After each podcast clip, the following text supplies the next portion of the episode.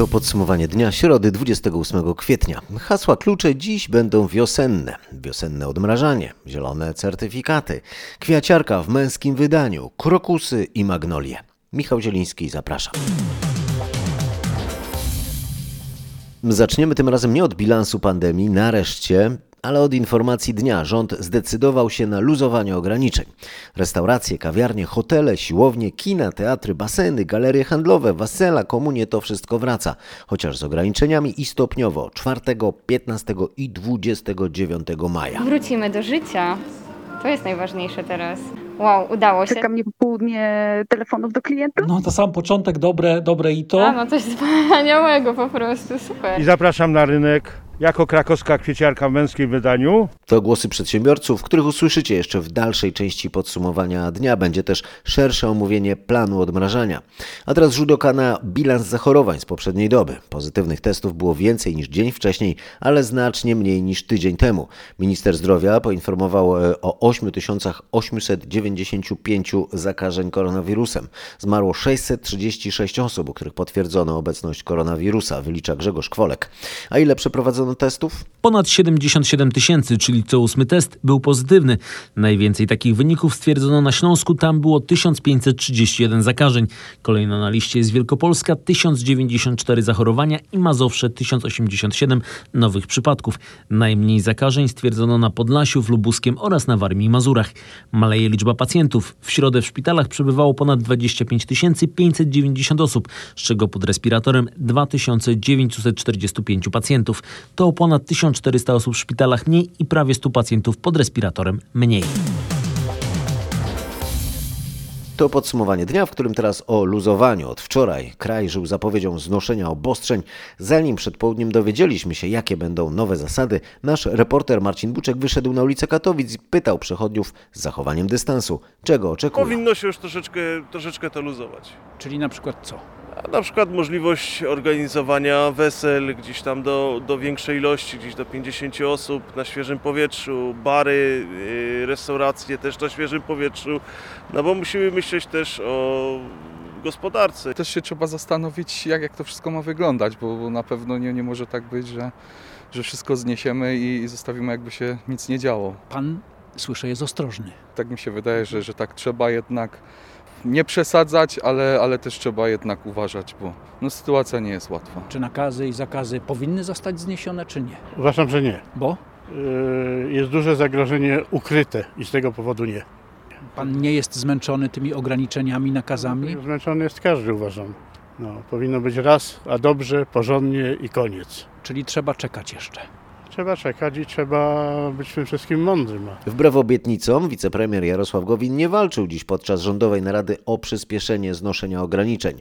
Chociaż sam w ostatnich dniach opowiadał podczas wywiadów i konferencji, że będzie obstawał przy znoszeniu obostrzeń, to podczas obrad Rządowego Zespołu Zarządzania Kryzysowego nie był podobno zbyt aktywny. Takie informacje uzyskał nasz reporter Krzysztof Berenda. Zacznijmy od słów. W ostatnich dniach Jarosław Gowin, gdzie tylko mógł, kreował się na osobę, która chce znosić obostrzenia niemal natychmiast. Cała polska gospodarka powinna być uwolniona. Zaraz po majowym weekendzie trzeba otworzyć e, cały handel i ogromną większość e, usług. Moim zdaniem można też pomyśleć o otwarciu na przykład ogródków restauracyjnych e, czy o dostępie pewnej puli miejsc w hotelach. I przejdźmy teraz do czynów. Jak ustaliliśmy, wicepremier nie przekuł za bardzo tych słów w działanie, podczas decydującego posiedzenia rządowego zespołu nie podjął kompletnie walki, nie postarał się o realizację tych zapowiedzi, które złożył firmom i to nie przeszkodziło mu potem chwalić się sukcesami. To, co zawsze postulowali przedsiębiorcy, dzisiaj zostało spełnione. Jest e,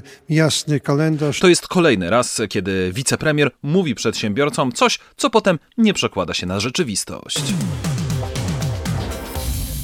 No to teraz w końcu o tym, jak ma wyglądać to luzowanie. Najpierw po majówce otwarte zostaną sklepy w galeriach handlowych. 8 maja hotele, ale dostępna będzie tylko połowa miejsc. 15 maja restauracje przyjmą klientów, ale tylko na zewnątrz. Do kina czy teatru pójdziemy 29 maja. Wtedy dla wszystkich otworzą się siłownie i baseny. Rząd przedstawił długą listę zdejmowania epidemicznych obostrzeń. Co i kiedy jeszcze się zmieni, o tym Mariusz Piekarski. 15 maja znowu zapełnią się szkoły, bo wtedy po miesiącach nauki zdalnej do klas wrócą starsze dzieci z podstawówek i uczniowie szkół średnich przez dwa tygodnie hybrydowo na zmianę od 29 maja już na stałe w klasach. Tak samo etapami rząd otwiera gastronomię 15 maja w ogródkach, 29 maja już w lokalach. Jest zgoda na urządzanie wesel i uroczystości rodzinnych, najpierw tylko na świeżym powietrzu, ale od końca maja już w lokalach, choć z limitem 50 osób. I ten ruch krytycznie ocenia dr Paweł Grzesiowski. To są najbardziej ryzykowne e, działania. Nie jesteśmy w stanie w sali weselnej zachować jakichkolwiek e, rygorów. Podobne obawy budzi otwarcie siłowni, klubu fitness i basenów. To wszystko od 29 maja, choć już 1 maja z obiektów sportowych pod dachem skorzystają dzieci. Kibice zobaczą w końcu sport na żywo, bo 15 maja w 1 czwartej mogą zapełniać się stadiony. Doktor Grzesiowski chwali też zapowiedź zniesienia obowiązku noszenia maseczek na świeżym powietrzu od 15 maja. Poruszamy się samodzielnie po ulicy, jesteśmy na placu, na parkingu. Nie musimy mieć maseczki, bo wirus nie przenosi się na duże odległości z powietrzem. Pozostaje wymóg noszenia maseczki w pomieszczeniach i tam, gdzie nie można utrzymać dystansu. Warszawa, Mariusz Piekarski. Od połowy miesiąca zatem rusza gastronomia w ogródkach, a od 29 maja normalnie. Zadowolenia nie kryją pracownicy branży gastronomicznej, którzy zaznaczają, że to pierwsza dobra wiadomość dla nich od wielu miesięcy. Posłuchajcie, co mówią restauratorka z Olsztyna Małgorzata Tandyrak-Bunalska i pani Alicja z kawiarni przy Fabrycznej w Warszawie. Otwarcie ogródków to informacja, na którą już bardzo długo czekaliśmy i nie ukrywam, że jest to bardzo radosna informacja. Oczywiście trochę szkoda, że nie możemy otworzyć ogródków troszkę wcześniej w reżimie sanitarnym. No jednak weekend majowy jest to e, taki czas, kiedy goście z chęcią siedzieliby w słońcu. Pierwsi goście już dzwonią, pytają się, kiedy będą mogli przyjść, czy mogą zarezerwować stolik. Jeśli chodzi o to, ile e, osób możemy przyjąć na ogródku, e, to jeszcze nie do końca wiadomo. E, Mamy 25 metrów kwadratowych. W zależności od tego, jaki będzie reżim sanitarny, jak będziemy mogli funkcjonować, tyle gości będziemy No w chcieli końcu, przyjąć. w końcu będzie jakiś ruch, będzie ta przyjemność z, z obsługi i z naszej pracy. W końcu będziemy mogli tak, może nie do końca w pełni, bo będzie nadal ich brakowało, ale wrócimy do życia. To jest najważniejsze teraz. Wow, udało się, daliśmy radę, przetrwaliśmy i, i do przodu. Fajnie, No bardzo to się jeszcze, cieszę. jeszcze dobre wiadomości, bo pod koniec No. możecie otworzyć lokal i przyjmować też w środku z Naprawdę? obłożeniem 50%. Super! Czyli co, odwrót wirusa? No coś wspaniałego po prostu, super. No to Pani zrobiła mi dobry dzień, dziękuję bardzo. Nie spodziewałam się tego dzisiaj, brakowało takich informacji. Od 8 mogą zacząć działać hotele i pensjonaty, ale tylko z połowicznym wypełnieniem. Dla przedsiębiorców z branży zapowiedź zniesienia obostrzeń to powód do uśmiechu, ale przez łzy. Tak mówi prezes Tatrzańskiej Izby Gospodarczej Agata Wojtowicz. Jak tłumaczy, dla nich to za późno, bo tracą kolejny dobry czas na zarabianie, czyli zbliżającą się majówkę. Natomiast y, no, cieszymy się, że w ogóle ósmego.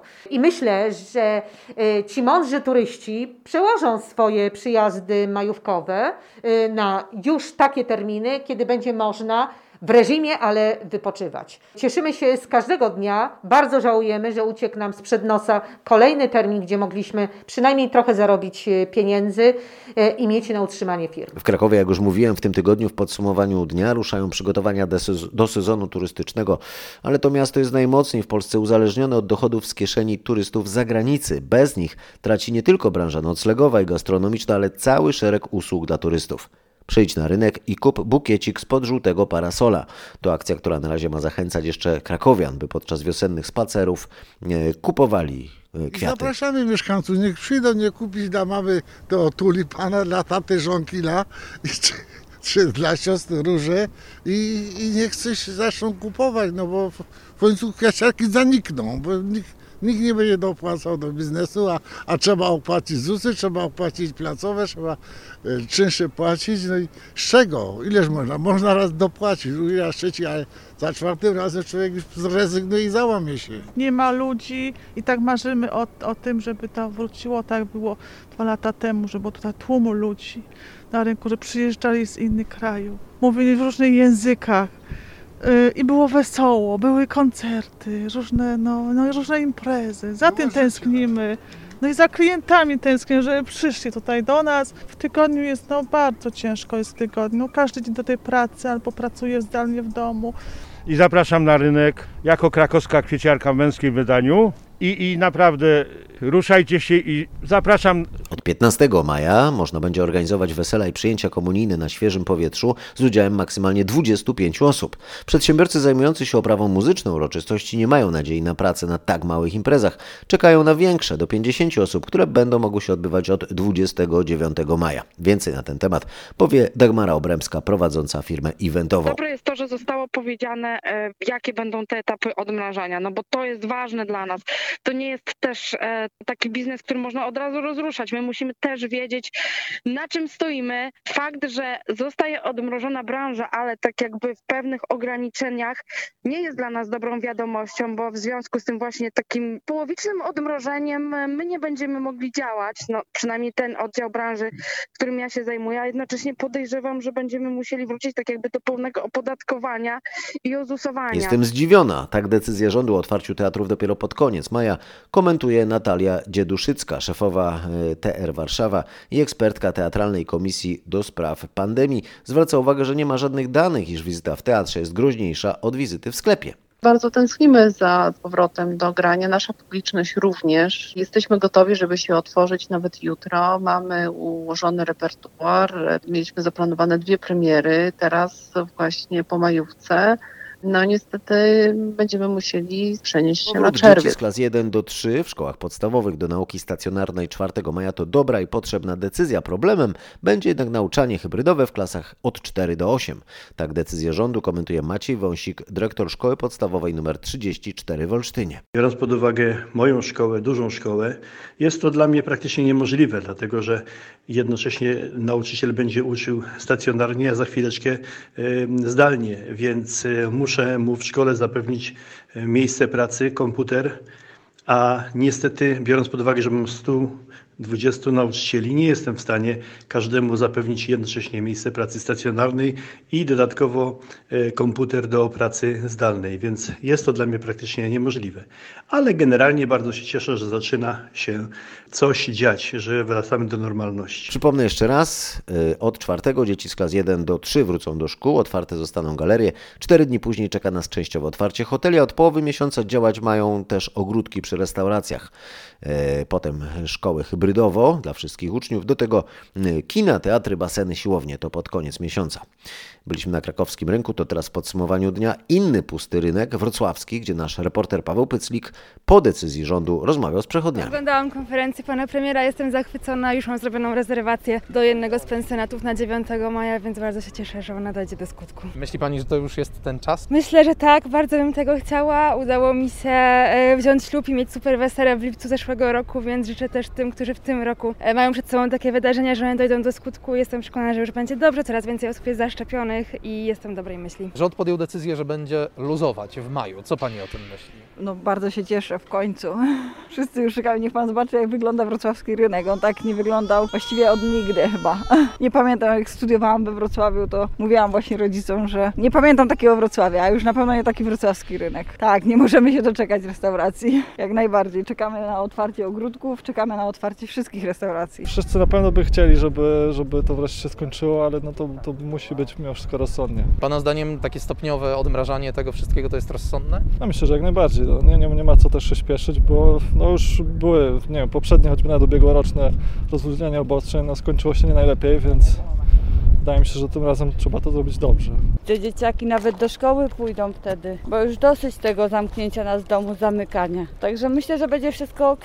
Cieszę się z tego luzowania, niemniej jednak nadal sami musimy po prostu uważać na siebie. Te pierwsze promyki słońca to już e, w ludziach jest taka naturalna potrzeba po prostu jakby też e, no i większej właśnie poczucia takiej wolności. Ta maseczka jednak nam tej wolności trochę nie daje.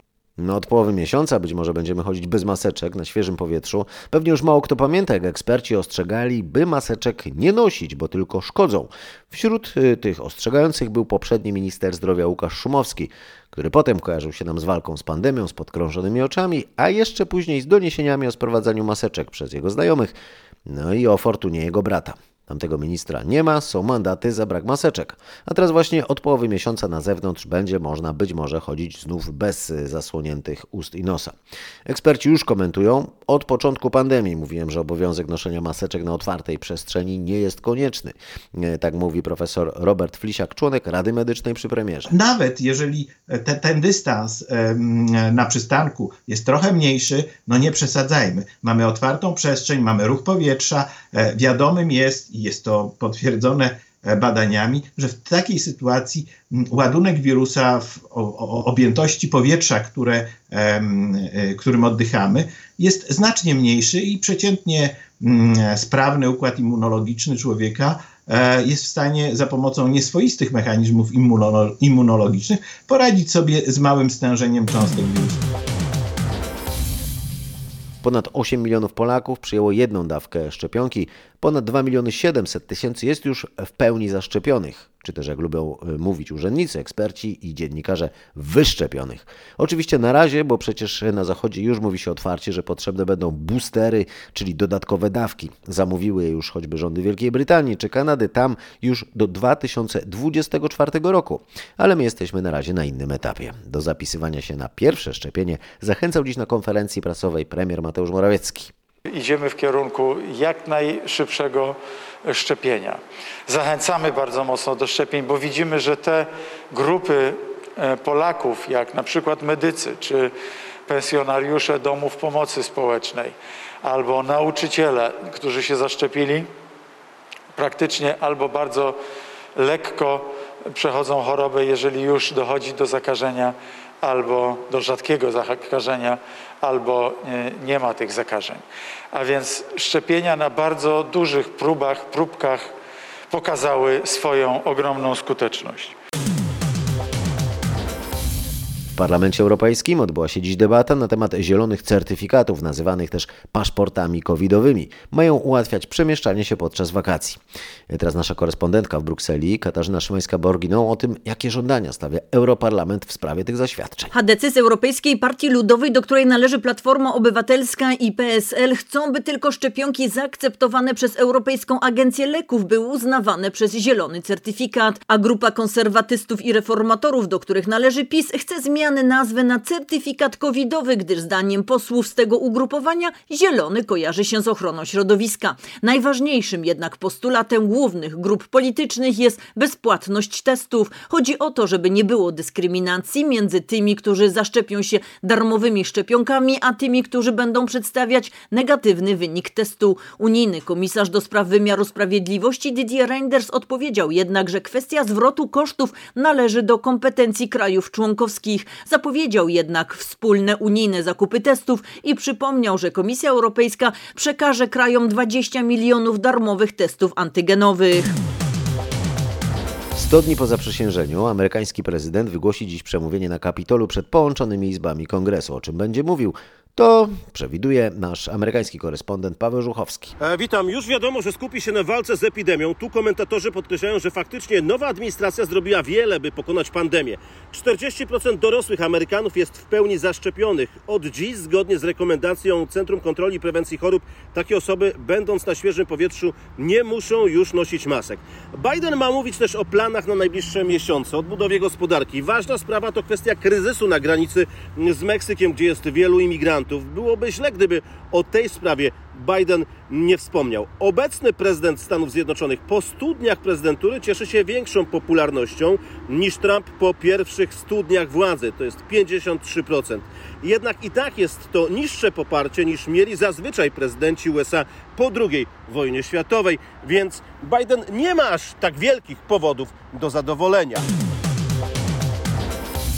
Wracamy do kraju. Będzie znów o odmrożeniu. Tym razem mowa jest jednak o postępowaniu wobec Mariana Banasia, szefa Najwyższej Izby Kontroli.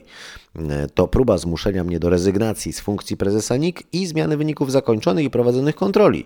Tak Marian Banaś skomentował przeszukania CBA w domu jego syna. Według służb miało chodzić o śledztwo dotyczące nieprawidłowości w oświadczeniach majątkowych szefa NIK.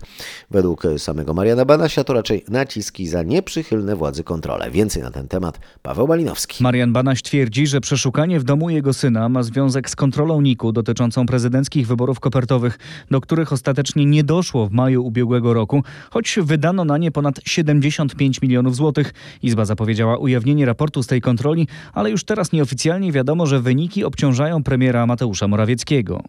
To w czystej postaci państwo policyjne, którym rządzą służby, a nie premier, prezydent czy parlament. Mówił Banaś o przeszukaniach, zarzucał CBA nękanie jego rodziny i przekonywał, że mimo nacisków nie zrezygnuje z funkcji prezesa NIK-u. W zeszłym tygodniu słyszeliśmy, że umowa społeczna dla górnictwa jest już gotowa i wystarczy ją podpisać. Ten komunikat pojawił się po kolejnych rozmowach z górniczymi związkami. Już nie wymagajcie, żeby mówić po których, bo ciągną się od wielu miesięcy, a przed występem prezydenta na wirtualnym szczycie klimatycznym światowych przywódców. Dziś nie było jednak żadnego podpisania, było 8 godzin rozmów i parafowanie umowy i jak zaznaczono wstępne. Podpisanie ma nastąpić w przyszłym miesiącu.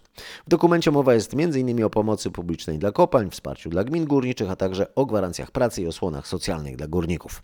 Artur Soboń, wiceminister odpowiedzialny za górnictwo oraz Dominik Kolosz, szef Śląsko-Dąbrowskiej Solidarności komentują.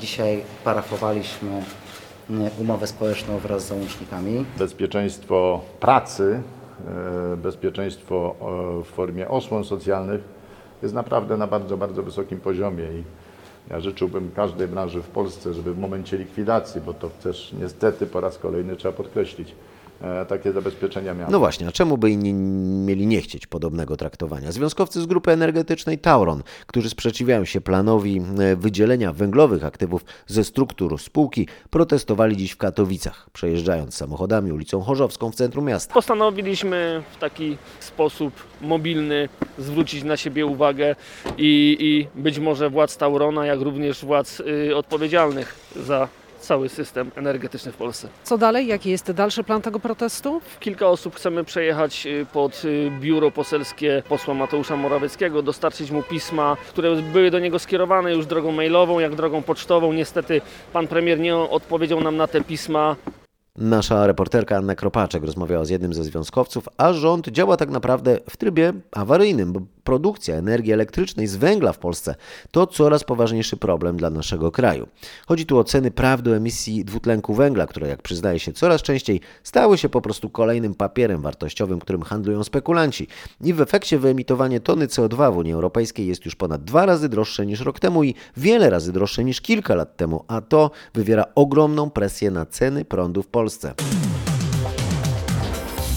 Przynajmniej za ogrzewanie już będziemy mniej płacić, przymrozków już nie powinno być. Prognozy pogody wskazują, że jutro będziemy mieć jeszcze ładną wiosnę, ale od piątku jakby pogoda chciała pocieszyć tych, którzy nie mogą jeszcze skorzystać z długiego weekendu. Ma być deszczowo. Na razie delikatniejsze rośliny cierpią. Przemarzła nam magnolia, więc takie piękne mamy drzewa, ale niestety przemarzła i mamy kwiaty jeszcze nie powsadzane. Czekamy, część żeśmy już wsadzili, ale już zdążyły przemarznąć. Dobrze, że uzupełniamy. Czyli z tą magnolią zwłaszcza kiepsko. Tak, bardzo, bardzo. A taki piękny krzew. Dużo, obfite kwiaty, ale zbrązowiała. Szkoda nam owocowych drzew, mamy piękne czereśnie, śliwy, uleny, bardzo ładnie, dużo kwiatów zawiązują, ale no niestety yy, boimy się, że nie da się zabezpieczyć i po prostu nie będzie tych owoców tyle, co zwykle co roku. Czyli dwie noce tak naprawdę tutaj Dwie zadecydowały noce. o wszystkim. Najbardziej dwie noce, yy, no, na które nie można poradzić sobie. No, Dwa niestety, dni ognisko paliliśmy. Dwa dni ognisko od rana do wieczoru. tak, Czyli żeby ok- odymić, tak? Odymić tak, że to temperatura się zmieni. No niestety Nie bardzo się podoba pogoda. W zeszłym roku w tym okresie to już w ogrodzie były prace dużo bardziej e, wzmożone, a w tej chwili no czekamy, czekamy. Dzisiaj, jutro będziemy wertykulować pierwszy raz w ogrodzie. Późno jak na, w tym, jak na, na, jak na wertykulację, no ale nic nie poradzimy. Poczekajmy z warzywami i poczekajmy z kwiatami balkonowymi. Na pewno wszelkie przymrozki tutaj są niewskazane. Pomidory mogą poczekać, e, surfinie mogą poczekać, pelargonie mogą poczekać. Widzimy po roślinach, że cierpią, nawet te, które mm, są teoretycznie mrozoodporne i mogą sobie zimować. Mm, Widzimy po nich pewne uszkodzenia mrozowe, mm, zahamowały rozwój kwiatów, także na pewno przyroda odczuje te delikatne przymrozki. To, co się teraz dzieje, to nic nadzwyczajnego, chociaż może denerwować. Nic nadzwyczajnego, takie rzeczy się zdarzały, takie rzeczy będą się zdarzać, musimy być na to przygotowani i się zabezpieczać no, przeciwko W przymrozkom. Lublinie o roślinach rozmawiał Krzysztof Kot, a na koniec podsumowania dnia, tak samo jak wczoraj, o krokusach. Mówiłem wczoraj, że w Gorcach widziałem raczej kępy niż łany, tak jak w poprzednich latach. Późno i skromnie krokusy zakwitły również na polanie Trochę może wcześniej, jak, jak po drodze tutaj było ich na pewno więcej. Może to kwestia tych przymrozków jeszcze, że jednak jest, jest dosyć, dosyć chłodno nocami. Jesteśmy tutaj dzisiaj drugi dzień w sumie. Wczoraj byliśmy w Dolinie Kościeliskiej. Tam nie było aż tylu krokusów i nie były tak pootwierane. Myślę, że to jest kwestia dzisiejszego słońca pewnie. No jest świetnie. Podobają się, jesteśmy zadowoleni. Właśnie zrobiliśmy sobie dzisiaj wolny dzień. Specjalnie na I podziwiamy krokusy, tak. Pięknie, pięknie. Mówili turyści, a ja mówię dziękuję, pozdrawiam. Michał Zieliński, zapraszam na jutrzejsze podsumowanie dnia.